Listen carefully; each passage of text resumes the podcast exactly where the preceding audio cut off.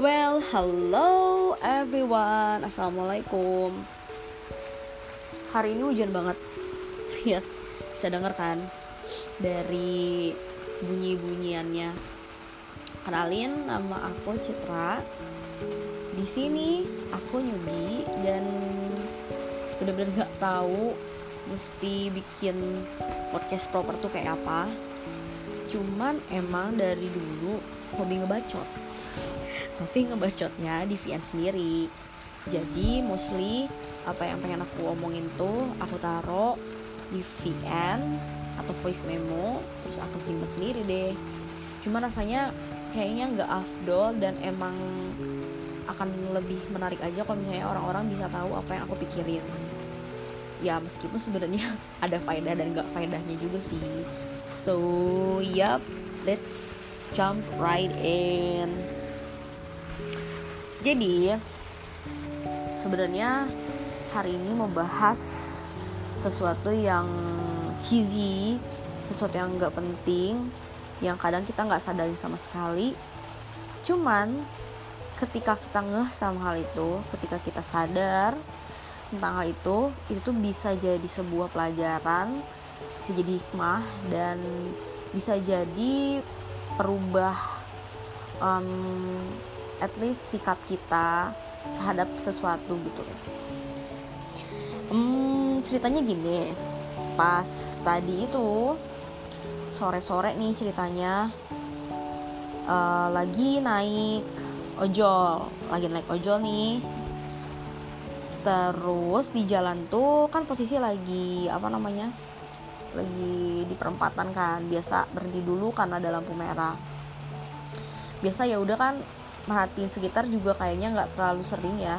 Tapi ada satu pemandangan di mana waktu tadi tuh ngeliat ada bapak-bapak paruh baya gitu nyamperin hmm, pengendara yang lagi berhenti. Maksudnya di depan aku itu ada motor yang lagi berhenti juga gitu kan sama-sama lagi di perempatan. Aku bingung tuh ngapain tuh si bapak nyamperin nyamperin orang yang ada di tengah jalan gitu kan. Dia lagi ada di pinggir posisi kayak siap-siap menyeberang gitu. Terus ternyata si bapak itu tuh uh, disautin sama pengendara motor itu. Dan pengendara motor itu tuh bawa apa ya tadi tuh sesuatu yang jatuh gitulah pokoknya barangnya emang lumayan gede. Terus kayak uh, bisa bisa bisa apa namanya tuh bisa disamperin tuh karena emang si bapaknya juga nyari-nyari barang itu. Pokoknya intinya adalah bapak-bapak yang tadi tuh kejatuhan barang. Dia bingung barangnya di mana ditemuin sama si mas-mas pengendara sepeda motor itu yang lagi berhenti. Tapi bukan itu sih intinya. Yang jadi intinya tuh adalah ekspresi muka dari si bapak itu bapak parubaya itu. Kenapa? Soalnya apa ya pas pertama kali lihat uh, lihat mukanya raut mukanya si bapak itu padahal posisi dia lagi kebingungan ya. Tapi si mukanya tuh happy bukan happy sih sebenarnya apa ya bukan happy ya. Pokoknya dia dia pasang raut muka senyum ngerti gak sih? Pernah gak sih ngeliat orang kayak udah bawaannya aja gitu dia pengen senyum. Nah di situ tuh aku ngerasa kayak kok lucu sih? Maksudnya dia kebingungan tapi masih bisa sampai sampainya senyum gitu kan. Dan apalagi ketika waktu dia dipanggil terus kayak papa sini pak ini barangnya ini yang jatuh. Jadi kayak makin happy lah si bapak itu gitu kan. Terus kayak ya udah nyamperin si masnya terus kayak makasih makasih. Nah keburu keburu sin itu berakhir kayak kita udah udah langsung pergi aja kan. Maksudnya lampu merahnya udah berubah jadi lampu hijau terus kita cabut aja pergi. Nah inti dari semua sin sin sin sin yang barusan itu adalah aku pribadi ngerasa kalau uh, apa ya satu perasaan atau satu sikap itu bisa berpengaruh terhadap diri kita. Maksudnya gini pas tadi aku ngerasa bapak-bapak itu dari jauh dengan muka yang happy dengan senyum meskipun dia ada masalah tuh bikin kita secara nggak langsung happy juga yang lagi ngelihatnya paham gak sih? Pernah gak sih ngeliat atau mandangin lingkungan sekitar? Liatin aja ekspresinya masing-masing. Terus kalau misalnya mereka pada bete pada raut mukanya tuh sedih pada runyem pada apalagi ya? Eh, pokoknya gitulah yang negatif-negatif. Secara nggak sadar itu tuh berefek gitu sama diri kita. Kita otomatis kayak ikutan bete juga ikutan bad feeling juga ikutan ngerasa nggak enak juga. Nah itu pun terjadi sebaliknya gitu. Kalau misalnya seseorang tuh senyum bawaannya tuh happy bawaannya tuh senang. Jadi kitanya juga yang tadinya yang tadinya bete tuh kadang-kadang bisa jadi senyum lagi gitu. Nah aku sih berharap ban akan banyak orang-orang yang bisa ngasih efek itu di dalam kehidupan aku. At least minimal orang-orang di sekitar aku. Karena e, lingkungan tuh berpengaruh banget. Kamu ditaruh di tempat yang ibaratnya lingkungannya jelek yang suka apa namanya ngomongin orang ataupun apa ya uh, ngomonginnya tuh hal-hal negatif dan gak berfaedah secara nggak langsung itu akan bikin kamu juga bersikap seperti itu. Meskipun meskipun di dalam diri kita kan ada yang namanya prinsip ada yang namanya sifat ada yang yang namanya keimanan dan kawan-kawan. Tapi tetap aja kan itu tuh udah secara alamiah akan uh, ibaratnya apa ya ngeblend gitu di diri kita. Makanya mesti pinter-pinter cari lingkungan yang bagus nah baik lagi ke senyum tadi. Baik lagi ke senyum tadi. Kalau nih seumpamanya ya kalau satu orang aja bisa bikin senyum apalagi banyak orang gitu.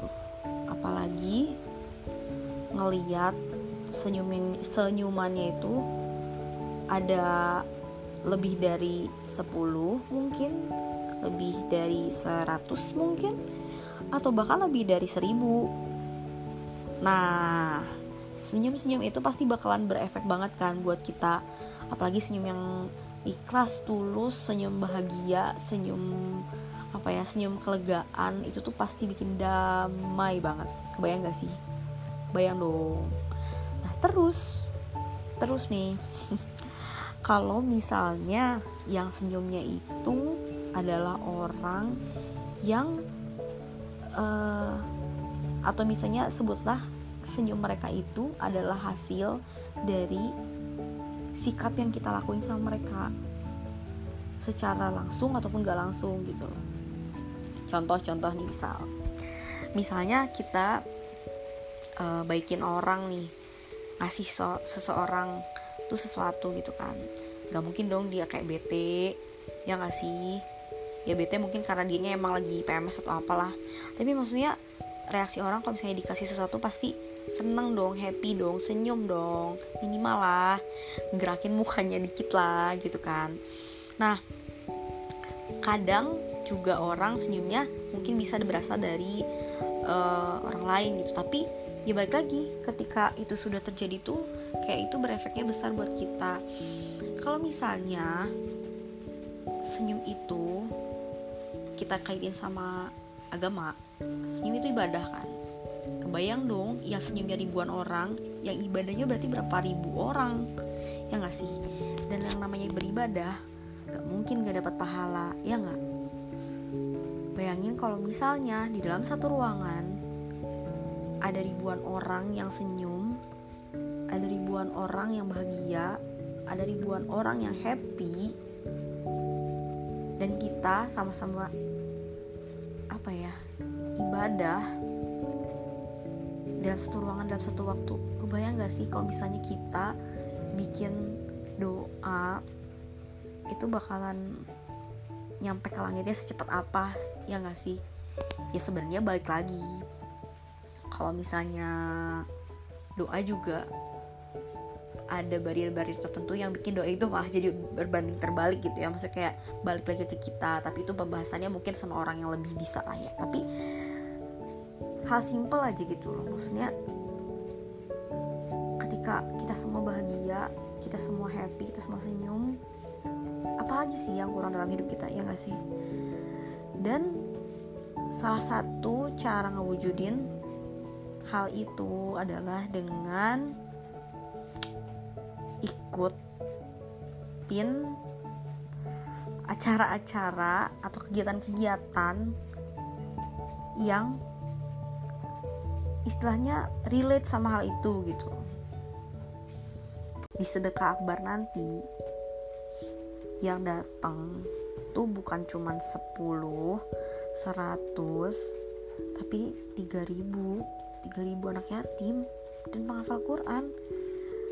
Dan kalau seandainya mereka itu ketawa bareng senyum bareng itu happynya kita kebayang gak sih adik-adik yatim sahabat-sahabat yatim dan penghafal Quran yang selama ini kita bantu yang selama ini kita kasih makan, kita kasih energi dari uang yang kita kasih ke mereka, dari tenaga yang kita kasih untuk mereka. Kamu gak sih rasa rasa apa ya? Rasa terharunya gitu loh.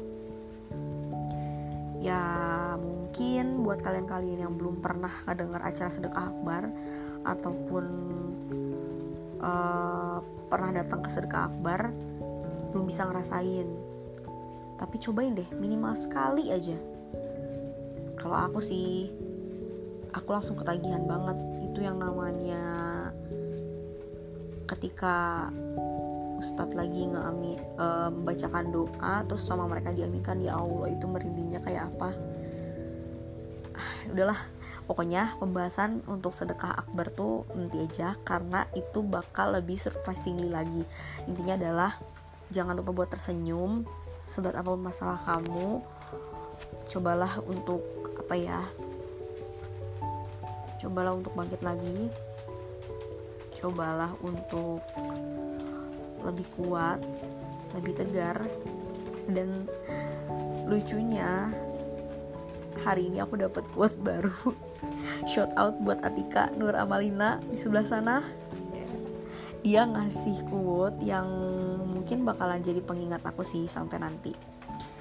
Dia bilang ketika kita udah ada di titik ada di titik terbawah gak ada pilihan lain selain naik. Ya nggak sih? Ya nggak kayak gitu. Pokoknya ketika kita jatuh tidak ada pilihan lain selain bangkit lagi. Bukan sih sepertinya. Pokoknya intinya adalah hidup ini adalah berputar. Jadi ketika kita ada di bawah maka nggak akan ada pilihan lain selain naik ke atas. Ah iya bener itu. Ya itulah pokoknya. Jadi buat kalian-kalian yang lagi ngerasa down ngerasa di bawah kata dia sih kita nggak mungkin makin tikusruk gitu kalau bahasa Sundanya. Tapi kita pasti bakalan ada di titik di mana kita akan naik lagi kita akan happy lagi. Karena apa? Karena roda itu berputar. Oke sekian dari aku. Wassalamualaikum warahmatullahi wabarakatuh